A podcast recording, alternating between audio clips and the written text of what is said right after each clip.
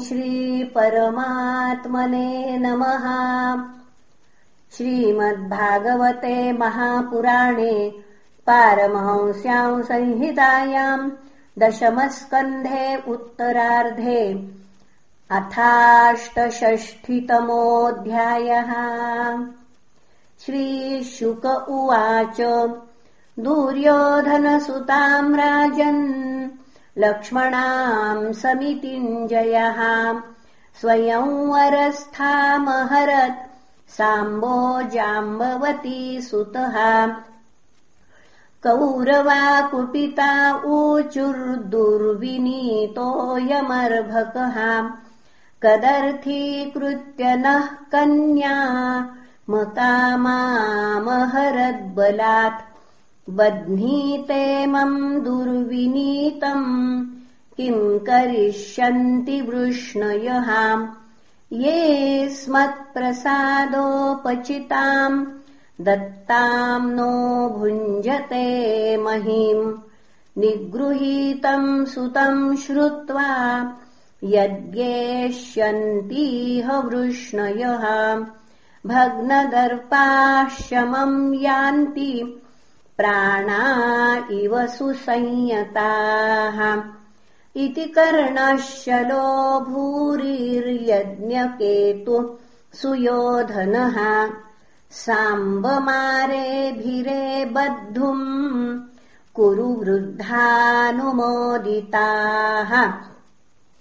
दृष्ट्वानुधावतः साम्बो धार्तृराष्ट्रान्महारथः प्रगृह्य रुचिरम् चापम् तस्थौ सिंह इवैकलः तन्ते जुघृक्षवः क्रुद्धा। पुनः तन्ते जिघृक्षवः क्रुद्धास्तिष्ठ तिष्ठेति भाषिणः। आसाद्य धन्विनो बाणैः। कर्णाग्रण्यः समाकिरन् सोपविद्धः कुरु श्रेष्ठ कुरुभिर्यदुनन्दनः। नामृष्यत्तद्दचिन्त्यार्भ सिंहः क्षुद्रमृगैरिव विस्फूर्जरुचिरम् चापम् सर्वान् विव्याधसायकैः। कर्णादीन् षड्रथान् वीरांस्तावद्भिर्युगपत्पृथक् चतुर्भिश्चतुरो वाहानैकैकेन च सारथीम्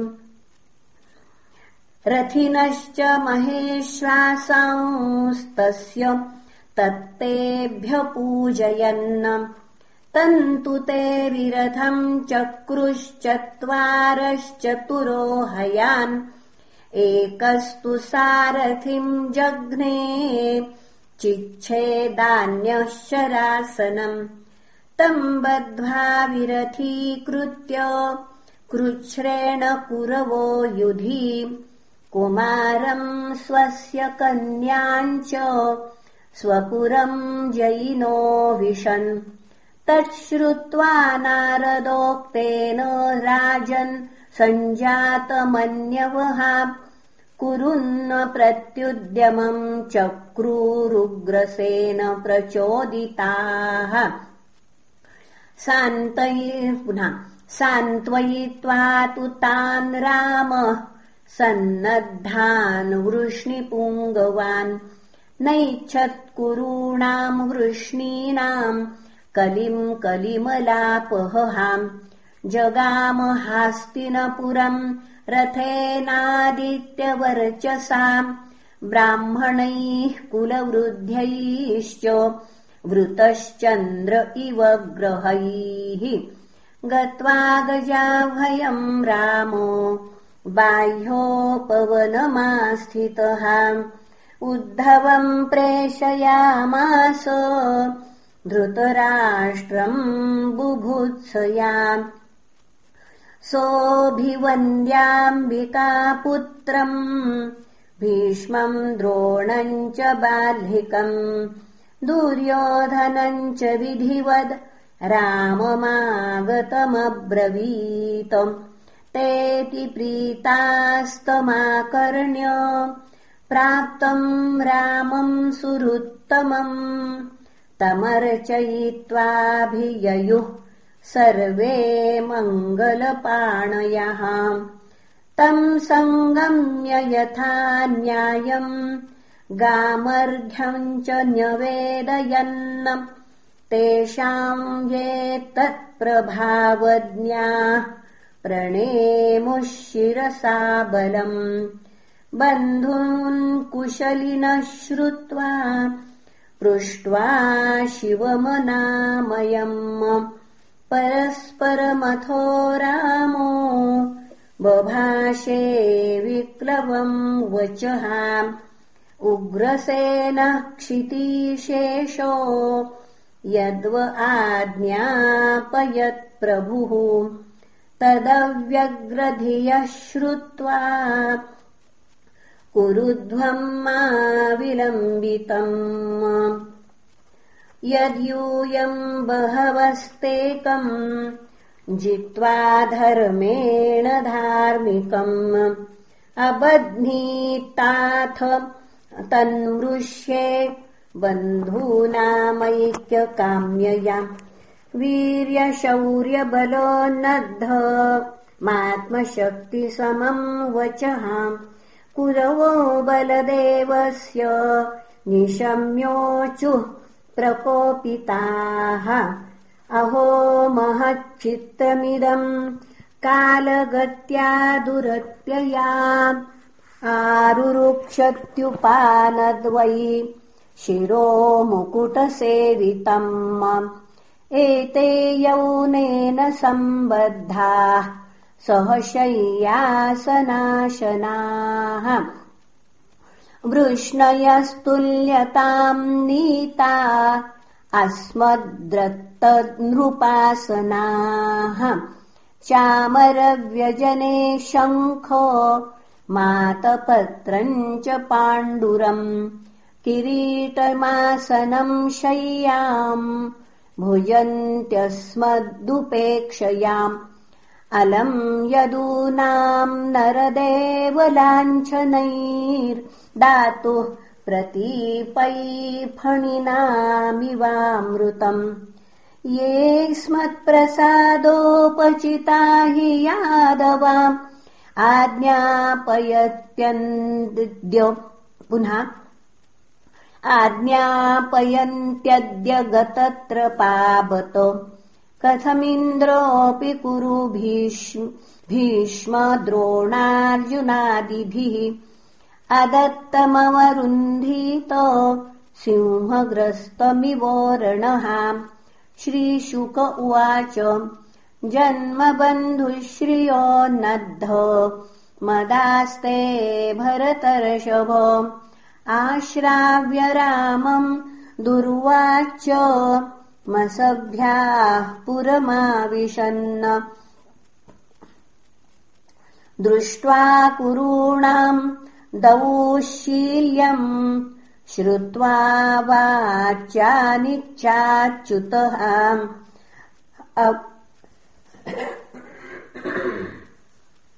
सरि पुनः दृष्ट्वा कुरूणाम् दौशील्यम् श्रुत्वा वाच्यानि चाच्युतः। अवोचत्कोपसंरब्धो दुष्प्रेक्ष प्रहसन्मुहुः। नूनम् नानामदोन्नद्धाः शान्तिम् नेच्छन्त्यसाधवः। तेषाम् हि प्रशमो दण्डः पशूनाम् लगुडो यथा। अहो यदुन्सु संरब्धान् कृष्णम् च कुपितम् शनैः सान्त्वयित्वा मे तेषाम् शममिच्छन्निहागतः। तैमे मन्दमतयः कलहाभिरताः खलाः। तम् मामवज्ञाय मुहुर्दुर्भाषान् मानिनो ब्रुवन् नोग्रसेनः किल केश्वरः शक्रादयो लोकपाला यस्यादेशानुवर्तिनः सुधर्माक्रम्यते येन पारिजातोमराङ्घ्रिपुहाम् आनीय भुज्यते सोऽसौ न किलाध्यासनार्हणः।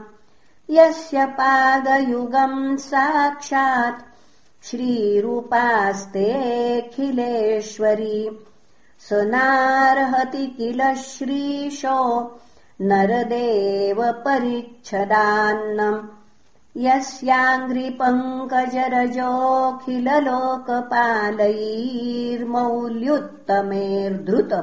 यस्याङ्घ्रिपङ्कजरजोऽखिललोकपालैर्मौल्युत्तमेर्धृतमुपासित तीर्थतीर्थम् ब्रह्मा भवोऽहमपि यस्य कलाः कलायाः। श्रीश्चोद्वहेमचिरमस्य नृपासनम् क्व भुञ्जते कुरुभिर्दत्तम् भूखण्डम् वृष्णयः किल उपानः किल वयम् स्वयम् तु कुरवः शिरः अहो ऐश्वर्यमत्तानाम् मत्तानामिव मानिनाम्। असम्बद्धा गिरोरुक्षाः कः सहेतानुशासिताम् अद्य निष्कौरवीम् पृथ्वीम् करिष्यामीत्यमर्षितः गृहीत्वा हलमुत्तस्थौ। दहन्निव जगत्त्रयम् लाङ्गलाग्रेण नगर मुद्विदार्य गजाह्वयम् विचकर्ष स गङ्गायाम् प्रहरिष्यन्नमर्षितः। जलयानमिवाघूर्णम् गङ्गायाम् नगरम् पतत्। आकृष्यमाणमालोक्य कौरवा जातसम्भ्रमाः तमेव शरणम् जग्मु सकुटुम्बाजिजीविषवः स लक्ष्मणम् पुरस्कृत्य साम्बम् प्राञ्जलयः प्रभुम् राम रामाखिलाधार। प्रभावम् न विदामते मूढानाम् नः कुबुद्धीनाम् क्षन्तुमर्हस्यतिक्रमम्। स्थित्युत्पत्त्यप्ययानाम् त्वमेको हेतुर्निराश्रयः। लोकान् क्रीडनकानीश क्रीडतस्ते वदन्तिः त्वमेव मूर्ध्नीदमनन्तलीलया भूमण्डलम् बिभर्षि सहस्रमूर्धन्। अन्ते च यः स्वात्मनिरुद्धविश्वः शेषे द्वितीयः परिशिष्यमाणः कोपस्तेऽखिलशिक्षार्थम्। न द्वेषान्न च मत्सरात्। बिभ्रतो भगवन् सत्त्वम्। स्थितिपालनतत्परः नमस्ते सर्वभूतात्मन्। सर्वशक्तिधराव्ययः। विश्वकर्मन्नमस्तेऽस्तु त्वाम् वयम् शरणम् गताः। श्रीशुक उवाच एवम् प्रपन्नै संविघ्नैर्वेपमानाय नैर्बलः प्रसादितः सुप्रसन्नो मा भैष्ठेत्यभयम् ददौ।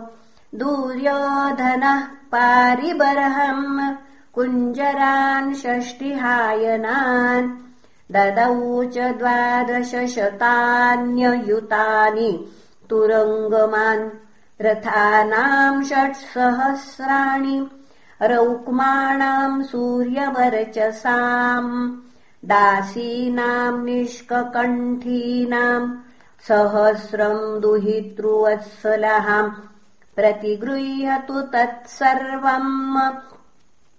भगवान् सात्वतर्षभः ससुतः सस्नुषः प्रागात् सुहृद्भिरभिनन्दितः।